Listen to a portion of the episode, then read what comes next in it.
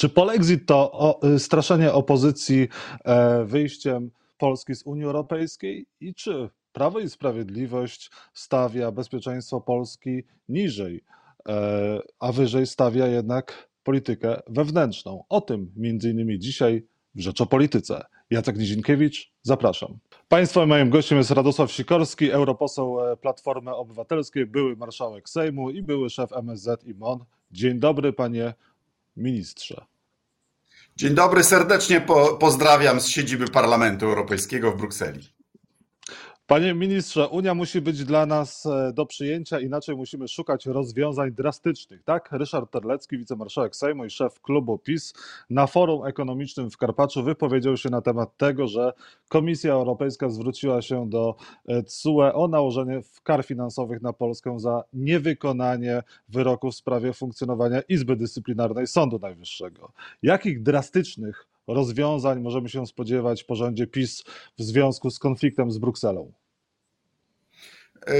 Wcale mnie ta wypowiedź nie dziwi, bo e, marszałek Terlecki powiedział tylko to, co w pisowskiej duszy gra e, i powiedział, jakie to drastyczne e, kroki, mianowicie te wzorowane na Wielkiej Brytanii, czyli wyjście, czyli polexit, czyli to, o czym od dawna przestrzegamy, władza zaprzeczała, no a on się wygadał. Powiedział też, że no, chcemy być tylko w takiej Unii, która nam odpowiada. No, przypomnę, że Unia składa się z 27 państw i nie, Polska nie jest w niej hegemonem. Przystąpiliśmy na y, dobrowolnie określonych warunkach. Od tego czasu Unia się zmieniła tylko poprzez przyjęcie traktatu z Lizbony. Przypomnę, wynegocjowanego przez rząd PiS i ratyfikowanego przez prezydenta Lecha Kaczyńskiego. Nic poza tym się w Unii nie zmieniło, poza może można argumentować zgodą premiera Morawieckiego na połączenie finansów z praworządnością, więc o czym oni opowiadają? No, Unia oczywiście jest żywym organizmem i zmienia się zgodnie z kompromisami i wolą jej państw członkowskich. Ale Polska, tak jak żaden inny kraj, nie może Unii dyktować, bo to jest konfederacja wolnych narodów. Mhm. E, panie ministrze, no, e, bliski współpracownik e, Jarosława Kaczyńskiego, bo takim właśnie jest pan Ryszard Terlecki, dodał na temat sporu polskiego rządu z Unią Europejską, że Brytyjczycy pokazali, że dyktatura brukselskiej biurokracji im nie odpowiada i się odwrócili i wyszli. No i pytanie, jak spór rządu premiera Mateusza Morawieckiego z Unią może wpłynąć na losy Polaków? No więc po pierwsze, y, bardzo niepokojące jest to, że w mainstreamie pisowskim przyjęto język y, Solidarnej Polski i Konfederacji w sprawach unijnych, czyli że, ta, że niby Unią rządzą jacyś mityczni biurokraci. No przypomnę, Unią rządzą Rada Europejska, czyli premierzy demokratycznych rządów, w tym Morawiecki, Komisja Europejska, czyli komisarze mianowani na te urzędy przez demokratyczne rządy i Parlament Europejski wybrany demokratycznie. Gdzie tu jacyś urzędnicy? No, Komisja Europejska oczywiście stoi na straży traktatów, ale te traktaty zostały dobrowolnie przyjęte.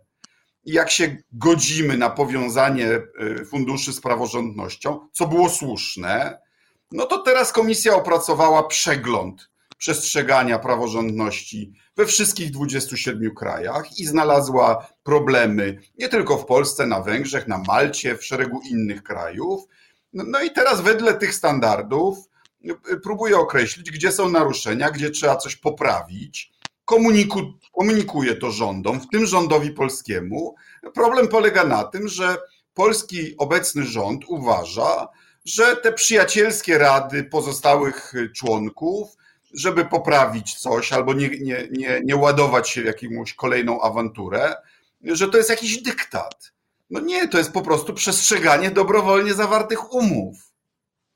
Panie marszałku, e, wspomniał Pan o Solidarnej Polsce. E, no właśnie opinię Ryszarda Terleckiego podzielił inny polityk Zjednoczonej e, Prawicy, Janusz Kowalski, bliski współpracownik Zbigniewa Ziobro, który powiedział, napisał, czas na rzetelną ocenę, czy ścieżka brytyjska nie jest dla Polski lepsza. No i pytanie, czy Polska poradziłaby sobie jak Wielka Brytania po wyjściu z Unii Europejskiej?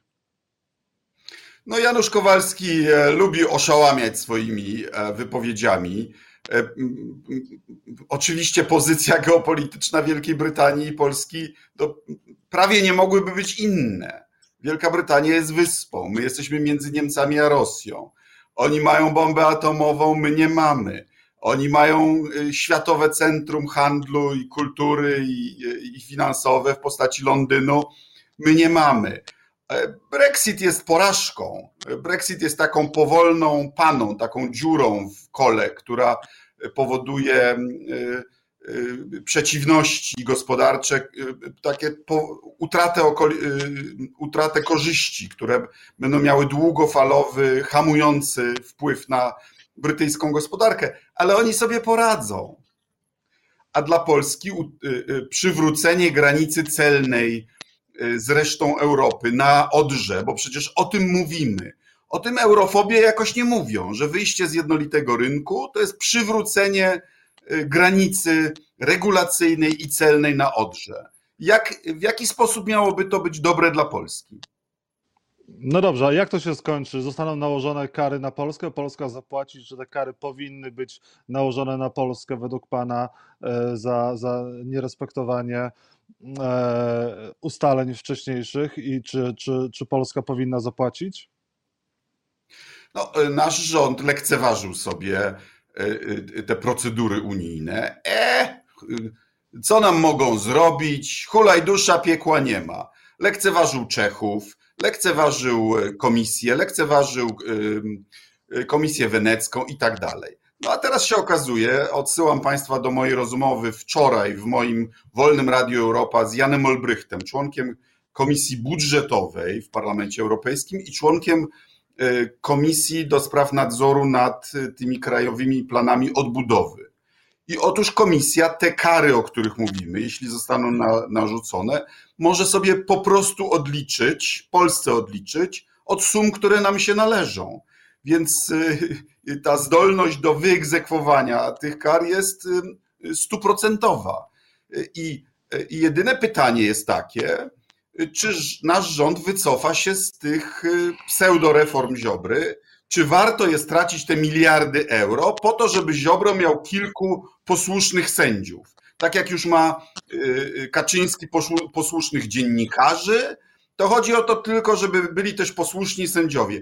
I czy utrata tych gigantycznych środków jest tego warta? Y, dla mnie też pewnym elementem jest to, że Kaczyński już powiedział, że Izba Dyscyplinarna będzie zlikwidowana. A tymczasem działa i narażając nas na te gigantyczne kary. Więc proszę nie obwiniać o to Unii Europejskiej, Komisji Europejskiej, tylko bałagan w obozie władzy. No Kaczyński coś mhm. mówi, a, a tu dzieje się in, co innego. No, no, martwię się o jego sprawczość. E, panie ministrze, a my e, jesteśmy na ścieżce do wyjścia z Unii Europejskiej w tej chwili? No ewidentnie. Y, y, parę lat temu y, wydaje mi się, że to było niedocenione. Wtedy, gdy moja pomyłka kadrowa, pan minister Waszczykowski powiedział, że teraz polityką PiSu będzie obniżanie zaufania Polaków do Unii Europejskiej. Czyli mówiąc ludzkim językiem, szczucie na Unię Europejską. I trzeba przyznać, że plan wykonali. Codziennie w mediach kontrolowanych przez partię rządzącą, mamy kłamstwa o Unii Europejskiej, szczucie na Unię Europejską i kolejne głupie prowokacje wobec Unii Europejskiej, czy potrzeba, czy nie potrzeba. Panie, panie ministrze, jeżeli chodzi o kwestie bezpieczeństwa, to są prowokacje, to co się dzieje na granicy Polski z Białorusią i czy e, Polska jest bezpieczna, jeżeli chodzi o naszą e, wschodnią granicę. Jutro odbędą się rosyjsko-białoruskie ćwiczenia Zapad e, przy polskiej granicy. Ja bym tych dwóch kwestii nie łączył, bo ćwiczenia Zapad odbywają się co cztery lata. Znamy e, poprzednie ich scenariusze, wiemy, że są bardzo agresywne e, wobec państw bałtyckich, czasami wobec Polski, wobec całego Sojuszu Północnoatlantyckiego. Sprawa uchodźców też jest oczywiście operacją Łukaszenki. E, wszyscy, mam nadzieję, odczuwamy jakąś ludzką solidarność z tymi uchodźcami. Ja w szczególności ze względu na moją przeszłość z Afgańczykami. Ale mam nadzieję, że wszyscy też rozumiemy, że po pierwsze nie można dać się przez Łukaszenkę sprowokować, a po drugie, że granica zewnętrzna Polski, Unii, strefy Schengen i Sojuszu Północnoatlantyckiego musi być kontrolowana. Że jeśli ktoś chce złożyć podanie o azyl polityczny w Polsce, musi się udać na przejście graniczne. Mhm. No tylko, że mam wrażenie, że ten, ten e, stan wyjątkowy, e, lokalny, e, powoływany po to, żeby poradzić sobie z kilkunastoma w tej chwili, zdaje się, uchodźcami, no to jest niepoważne. No albo rząd twierdzi, że Straż Graniczna silna, zdrowa i gotowa radzi sobie z problemem, albo trzeba wprowadzać stan wyjątkowy, którego jedynym skutkiem jest wykluczenie mediów z monitorowania tej sytuacji. Panie ministrze, a jaki jest pomysł na to, żeby pomóc e, e, tym, którzy są przez e, reżim Łukaszenki więzieni, na przykład jak Polska może wyciągnąć z więzienia Andrzeja Poczobuta? Nasze środki są ograniczone. Andrzej Poczobut i Angelika Borys, którą z nami szanuję, są zakładnikami. Łukaszenka pod byle pretekstem wziął zakładników, sądząc, że to jest waluta, w której będzie handlował z Polską i Unią. No i przy, przy takim podejściu oczywiście niewiele daje się zrobić. E, mam nadzieję, że polski rząd interweniuje na wszystkich możliwych szczeblach, ale na koniec mamy do czynienia z krwawym dyktatorem, który zrobi, będzie ludzi represjonował na Białorusi, swoich obywateli, e, wedle własnego widzimisię. E, panie ministrze, e, internauci pytają o, o, to, że pan chwalił ostatnio ruch narodowy i pytają, czy wolałby pan koalicję z Lewicą czy z Konfederacją, koalicją Platformy Obywatelskiej w przyszłości. Chwalił to za mocno powiedziane. Ja uważam, w odróżnieniu od PiSu, że moi konkurenci polityczni nie są zdrajcami. Ja nie odmawiam nikomu e, patriotyzmu, ani skrajnej lewicy, ani skrajnej prawicy. I jeżeli ktoś prowadzi ze mną racjonalną dyskusję opartą na faktach, to uważam, że szuka jakiejś prawdy. Wie pan, ja nie wiem, co pan czytał, ale ja pamiętam na uchodźstwie, gdy pierwszy raz czytałem Dmowskiego, bo w Polsce nie można było tego dostać, no to, to było ciekawe. Młodzi ludzie mają prawo eksperymentować z różnymi e, teoriami, ideologiami i dochodzą do swoich, swoich prawd. I, I, uważam, że y, w tych pozaparlamentarnych ugrupowaniach, tak lewicowych, jak i prawicowych, jest więcej idealizmu niż w tej zepsutej, y, koniunkturalnej i cynicznej władzy PiSu. I tylko to miałem na myśli. Mówi pan, że należy rozmawiać, e, nie oskarżać, jednak Pawła Kukiza nazwał pan e, szmatą. Paweł Kukiz zapowiedział, że pana pozwie. Pozwał pana? Nie, chwila, moment to sam pan poseł Kukis nazwał się szmatą. Powiedział, że e, znacznie bardziej e, drastycznie. Powiedział, że jeśli zostanie kiedykolwiek politykiem, to prosi, żeby nazywać go szmatą i żeby mu napluć w twarz. Uważam, że jego nikt nie powinien realizować, ale co więcej, pan poseł Kukis też powiedział, chyba właśnie w waszej gazecie, że owszem, sprzedał się. Co prawda nie za pieniądze czy stanowiska, tylko za ustawy, no ale prosił, żeby go nazwać szmatą i sam mówi, że się sprzedał. No więc czekam na ten pozew, póki co się nie doczekałem, ale no, będę przed sądem argumentował tak jak y, przed chwilą wobec pana. Czyli pan Pawła Kukiza nie przeprosi? Paweł Kukiz postawił partii rządzącej ultimatum, że jeśli w tym miesiącu nie będzie uchwalona ustawa bodajże antykorupcyjna, y, za którą on sprzedaje te swoje głosy w Sejmie, to on przechodzi do opozycji. Trzymam za słowo. E, panie ministrze, i na koniec, e, co z efektem Donalda Tuska? Do kwietnia Donald Tusk będzie szefem IPP, a nie do grudnia, jak e, chciał.